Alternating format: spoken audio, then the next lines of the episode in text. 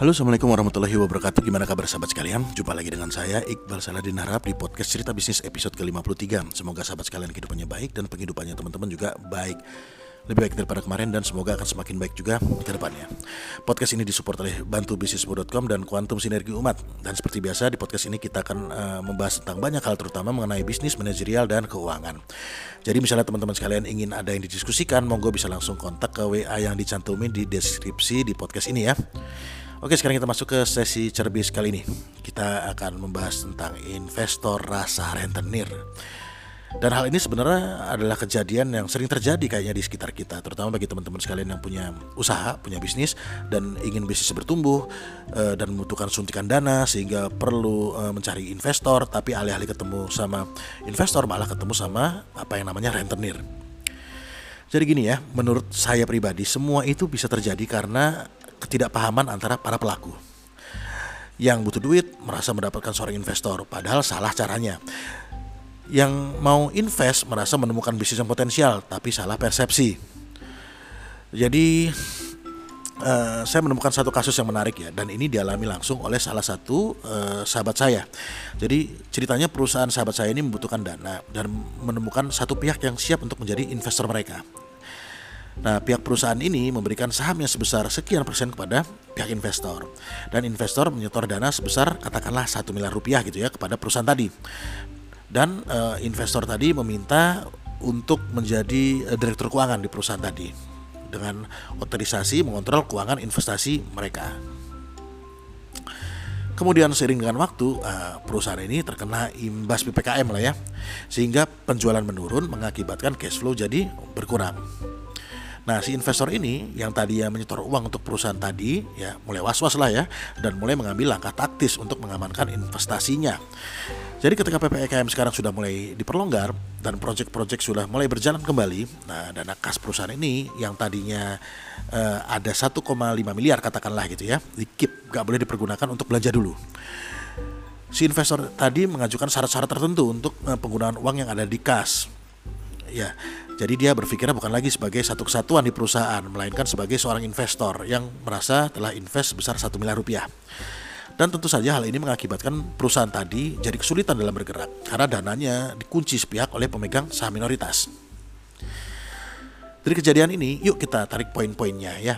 Apa poin apa yang bisa kita pelajarin? Jadi kayak gini, bahwa kalau seseorang mau menjadi investor, maka harus jelas dulu teman-teman sekalian. Dia mau sekedar melakukan penanaman modal atau sekedar investasi putus. Nah, ini harus jelas ya di depan. Nah, jadi coba kita bagi menjadi dua dulu. Yang pertama adalah investasi putus dan yang kedua adalah investasi penanaman modal. Kalau dia mau investasi dalam jangka waktu tertentu, katakanlah satu tahun, dua tahun, lima tahun, kemudian setelah waktu tertentu tadi investasinya selesai dan modal dikembalikan, nah ini juga perlu dilihat apakah akad yang dipakai adalah kerjasama penyertaan modal ataupun ataupun akad jual beli. Artinya investasi putus berarti uh, investasinya itu ada jangka waktu tertentu ya gitu ya. Nah investasi putus pun kita bagi jadi dua tadi ya, satu penyertaan modal, yang satu, yang kedua adalah uh, jual beli. Jadi kita bagi jadi satu, satu poin satu poin A penyertaan modal dan satu poin B adalah jual beli gitu ya gampangnya ya. Oke kita uh, contoh satu-satu. Jadi contoh satu A adalah investasi putus penyertaan modal. Bahwa dalam penyertaan modal maka ada untung, ada yang namanya rugi. Jadi ada untung bareng, ada rugi bareng. Misalnya gini, si A dan B mau uh, kerjasama buka rumah makan. Si B nggak punya duit, dan si A sebagai pemodal mengeluarkan 500 juta dengan akad penyertaan modal. Jadi sekali lagi penyertaan modal gitu ya. Dan si B sebagai pengelola nggak punya duit tapi dia punya skill dan kerjasama ini ditetapkan oke lah selama 2 tahun. Tuh. 2 tahun kerjasama terus uh, selesai kita review. Nah kesepakatannya adalah si pemodal dapat 30% dari keuntungan dan pengelola dapat 70% dari keuntungan. Kesepakatannya gitu ya. Dan di awal ditabulasi dulu uh, estimasi penggunaan dananya. Jadi ketika sudah ditabulasi didapati bahwa dibutuhkan dana 200 juta untuk sewa ruko dan renovasi. 100 juta untuk membeli kendaraan misalnya gitu ya udah 300 juta. 50 juta untuk membeli perlengkapan meja kursi peralatan masak dan lain-lain ya 350 juta. Untuk operasional 6 bulan ke depan itu disisikan dana 100 juta. Anggaplah gitu ya sudah 350 eh berapa tuh? 200 tambah 100 tambah 50 tambah 100 sudah 450 juta Nah, 450 juta tadi modalnya kan eh, 500 juta. Berarti untuk 6 bulan ke depan dana sudah dianggarkan sebesar 450 juta rupiah. Nah, lewat bulan ke-6, lewat ke-7, uh, bulan ke-7, bulan ke-8 eh ternyata belum untung juga teman-teman sekalian. Ya. Padahal tadi rencananya kan bulan ke-7 6 7 8 itu uh, sudah untung, padahal kenyataannya belum. Uh, sedang uh, bisnis ini perlu keluar uang lagi untuk operasional. Misalnya katakanlah selama tiga bulan 4 bulan tadi dibutuhkan operasional sebesar uh, 20 juta rupiah. Ya. Sehingga tadi 450 juta kan, modal 50 juta, sisa 50 juta dipotong lagi 20 juta rupiah, membuat uang yang tersisa tinggal jadi 30 juta rupiah. Nah, masuk bulan ke-9 baru ada keuntungan sebesar 10 juta rupiah sebulannya. Nah, anggaplah bulan ke-9 ada keuntungan 10 juta, demikian juga di bulan ke-10, 11, 12 juga ada keuntungan 10 juta rupiah. Jadi total ada penambahan kas sebesar 40 juta rupiah. Total kas yang awal tadi 30 juta ditambah 40 juta, jadi eh, total kas yang ada sebesar 70 juta rupiah gitu ya hitungannya. Nah pada akhir tahun ternyata si A mau menarik investasinya Padahal kan targetnya kan 2 tahun Tapi ternyata karena melihat bisnis semakin mengkhawatirkan gitu ya Si A mau menarik investasinya. Nah terus gimana cara membaginya? Oke kita hitung. Karena akadnya penyertaan modal teman-teman sekalian Maka tidak ada jaminan modal kembali 100% Sekali lagi ya Karena akadnya penyertaan modal Maka tidak ada jaminan modal kembali 100% Nah setelah dihitung nilai aset Eh, dan kas dan total eh, barang-barang yang bisa dinilai menjadi uang ternyata mobil tadi ada mobil ada peralatan memasak ada meja kursi semua dan ada uang kas tadi 70 juta gitu ya semuanya ditabulasi ternyata bisa diuangkan sebesar totalnya 150 juta rupiah. Ya nilai 150 juta rupiah tadi yang dikembalikan kepada si A. Kalau si A menarik investasinya. Padahal modalnya kan 500 Nah kalau si A komplain tadi Loh kok aku rugi? Mau invest kok jadi malah rugi? Ya sebetulnya bukan A doang yang rugi. Si A rugi uang. Si B sebetulnya juga rugi. Rugi waktu satu tahun gak dapat apa-apa gitu loh jadi di sini sekali lagi di uh, contoh 1A yang mana investasi putus dengan penyertaan modal ya bisa berarti ada rugi bareng dan juga bisa ada untung bareng. Nah sekarang kita masuk ke contoh satu poin B ya, di mana investasi putus dengan akad jual beli. Nah, karena kata jual beli, maka outputnya adalah hutang piutang. Ya, jadi bukan sekedar kerjasama, tapi piutang, utang piutang. Jadi contohnya kayak gini. Misalnya si A punya bisnis bakery ya, roti, punya toko roti, atau nggak mesti punya toko lah, punya uh, dia bisnis produksi roti. Dan uh, si A tadi mendapatkan orderan untuk 300 roti ya untuk uh, jadi misalnya ada satu perusahaan perusahaannya mau anniversary itu mau ulang tahun dan ada orderan 300 roti kepada si A dan ternyata si A kekurangan modal teman-teman sekalian untuk membeli uh, bahan baku tadi ya kan 300 roti kan cukup banyak. Bahan bakunya harus dibeli dulu dan dia nggak punya modal untuk membeli bahan bakunya. Jadi si A meminta bantuan si B untuk membelikan bahan baku. Yang diperlukan dengan nominal misalnya katakanlah 5 juta rupiah itu loh. B tolong belikan dong uh, apa namanya bahan baku. Saya butuh bahan ini di toko ini. Uh, belanja 5 juta rupiah gitu ya. Dan misalnya si B akan membeli bah, uh, apa namanya si B tadi otomatis karena dapat uh, permintaan dan deal ya. Si B akan membeli bahan tersebut dari toko roti yang ditunjuk oleh si A dan si A akan membeli uh, barang tersebut uh, milik B tadi dengan nominal misalnya telah disepakati 5,5 juta rupiah. Nah gitu ya. Jadi si B beli uh, ke toko 5 juta si A beli ke si B dengan nominal 5,5 juta rupiah. Tapi syaratnya dibayar mundur satu bulan. Nah kalau kayak gini jatuhnya utang piutang teman-teman sekalian. Jadi mau bahan rotinya yang dibeli tadi itu mau dimakan sendiri atau mau dihambur-hamburin, mau dilemparin ke mukanya orang atau mau digunakan untuk memenuhi order tadi, maka si A tetap wajib membayar sebesar 5,5 juta rupiah kepada si B karena akad jual beli. Jadi gitu untuk investasi putus teman-teman sekalian. Contohnya gitu ya. Nah, sekarang coba kita masuk ke contoh kasus penanaman modal.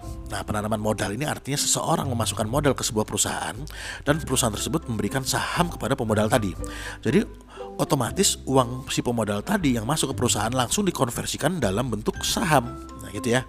Jadi di sini nggak ada lagi yang namanya pengembalian modal teman-teman sekalian. Jadi investor nggak bisa berharap kapan uang investasiku bisa ditarik. Ya nggak bisa kayak gitu. Karena uangnya sudah jadi saham. Untuk mendapatkan uang dari bisnis tersebut, maka si investor bisa mendapatkannya dari dividen atau bisa menjual sahamnya kepada pihak lain, kepada orang lain. Lalu gimana contohnya uh, investasi yang salah kaprah? Investasi uh, apa namanya penanaman modal yang salah kaprah adalah kalau investor menyertakan modal dengan harapan bagi hasil tiap bulan tetap dengan besaran yang nggak peduli kondisi seperti apa, pokoknya mau fix ya dapatnya sekian dan ujung-ujungnya mengharapkan investasinya bisa kembali. Nah, ini yang namanya rentenir teman-teman sekalian. Dan kondisi ini ternyata sering ditemui di lapangan. Investornya merasa punya hak atas dananya tapi nggak mau nanggung rugi. dalam bisnis tentu ada untung, ada yang namanya rugi, tergantung bentuk kerjasama seperti apa. Kalau misalnya teman-teman sekalian nggak mau dana investasimu tergerus, ini terutama kepada teman-teman investor ya, yang penting akadnya jual beli barang aja maka jatuhnya utang piutang. Kalau dalam akuntansi utang piutang itu eh, tadi jual beli tadi bisa dimasukkan ke dalam catatan utang dagang. Hal ini kalau misalnya saya ada kekeliruan dalam penyebutan istilah saya minta maaf ya karena kan saya bukan akuntan. Oke, langsung lalu kita merujuk di kasus awal tadi itu gimana? Di mana uh, teman tadi investor masuk lalu uh, merasa dia punya uang investasi di situ dan uh, apa namanya begitu uang kas masuk lebih daripada nilai investasinya dikip sama dia dengan aman dengan dengan alasan ingin mengamankan investasinya. Ya menurut saya investornya itu salah teman-teman sekalian. Jadi, ketika uang sudah dimasukkan dalam bentuk saham, maka tidak ada lagi yang namanya investasi pribadi di sana. Kalau misalnya si investor tadi mau mengamankan investasinya, ya mending dia jual aja sahamnya. Karena hak dia terhadap perusahaan bukan lagi uang, teman-teman, melainkan ya hak dia adalah saham di perusahaan tersebut. Dan dia juga bukan pemilik perusahaan. Dia adalah pemilik saham di perusahaan tersebut. Jadi beda ya. Jadi misalnya ya ada sebuah perusahaan punya aset tiga gedung, maka misalnya Anda sebagai pemilik saham di perusahaan tadi, Anda bukan ikut memiliki gedung tersebut teman-teman. Keliru. Anda memiliki saham perusahaan yang memiliki tiga aset berupa gedung. Gedung, eh, kok gedung sih? Jadi Anda adalah memiliki saham perusahaan yang memiliki tiga aset berupa gedung. Nah itu baru yang betul. Jadi eh, kembali lagi ya bagi teman-teman sekalian, hati-hati bagi teman-teman yang akan berinvestasi dan bagi teman-teman juga yang ingin eh, membuka investasi. Jadi baiknya teman-teman harus paham dulu ilmunya. Jangan ujuk-ujuk action gitu loh. Ternyata nanti ujungnya salah langkah, terus ribut, lalu berperkara di pengadilan. Wah itu bisa jadi panjang urusannya. Karena kalau misalnya teman-teman sudah masuk ke pengadilan, maka yang ada adalah kalah jadi abu, menang jadi arang. Semuanya sama-sama kalah. Lalu harus gimana dong? Ya itu tadi belajar lagi lah apa apa saja yang perlu dipelajari terlebih dahulu mengenai akad-akad yang bisa dilakukan atau diterapkan dalam sebuah bentuk kerjasama.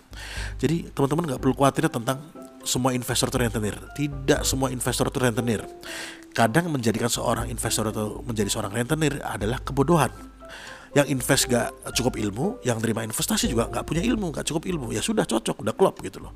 Si investor gak sadar sedang menjadi rentenir, si penerima investasi juga gak sadar sedang berurusan sama rentenir. Nah, hal yang seperti ini bisa membuat iklim investasi di sekitar kita jadi gak bagus. Tidak ada kepercayaan, kurang kepercayaan, sehingga akan ada pemikiran ah daripada diinvestasikan terus gagal ya mending uangnya saya taruh di bank aja. Nah malah hal yang kayak gini tuh malah membuat ekonomi jadi nggak berputar ekonomi jadi mandek. Karena uangnya nggak beredar di masyarakat melainkan numpuk di bank. Padahal coba kita hitung ya.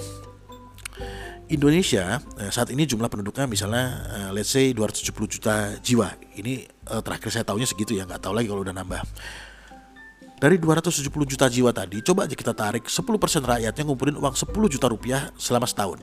10% berarti ada 2,7 juta ya. Uh, uh, 2,7 juta orang. Nah, misalnya uh, dari 2,7 juta itu 10 juta uh, rupiah dalam setahun dikumpulkan dari 10 uh, 2,7 juta. Maka artinya bisa terkumpul 2,7 triliun rupiah setiap tahunnya. Setiap tahunnya loh 2,7 triliun rupiah. Nah, artinya dana ini ya misalnya disalurkan kepada pelaku bisnis yang harusnya uh, sudah diseleksi dan uh, uang tadi yang disalurkan tadi bisa dijadikan saham di perusahaan, saya yakin ekonomi negara kita yang lebih banyak digerakkan dari ekonomi kerakyatan pasti bisa berjalan dengan baik. Dengan catatan semuanya dikelola secara profesional tentunya ya. Jadi sekali lagi teman-teman sekalian jangan khawatir uh, dalam berinvestasi, jangan khawatirlah dalam menjalin kerjasama. Yang penting teman-teman sekalian tahu dulu ilmunya sehingga paham mengenai resiko yang akan dihadapi. Jangan berinvestasi kepada pihak yang kurang handal dalam mengelola bisnis. Memilih bisnis yang aman untuk diinvestasikan itu juga butuh ilmu teman-teman sekalian. Ya artinya kita butuh ilmu dalam melakukan sesuatu agar hasil dari program kita bisa mendekatkan kita kepada keberhasilan yang kita ingin capai.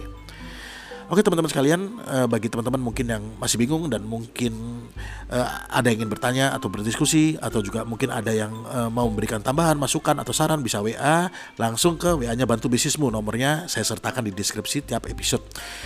Uh, teman-teman sekalian juga kalau misalnya mau main ke kantor kami juga boleh, mau ngeraktir kami makan juga boleh. Uh, ya pokoknya kita sih enjoy-enjoy aja. Jadi gitu mungkin ya cerita singkat saya dalam cerbis kali ini. Saya minta maaf kalau misalnya ada salah kata, misalnya ada perkataan yang menyinggung. Juga kalau misalnya ngomong saya babaliut juga saya minta maaf.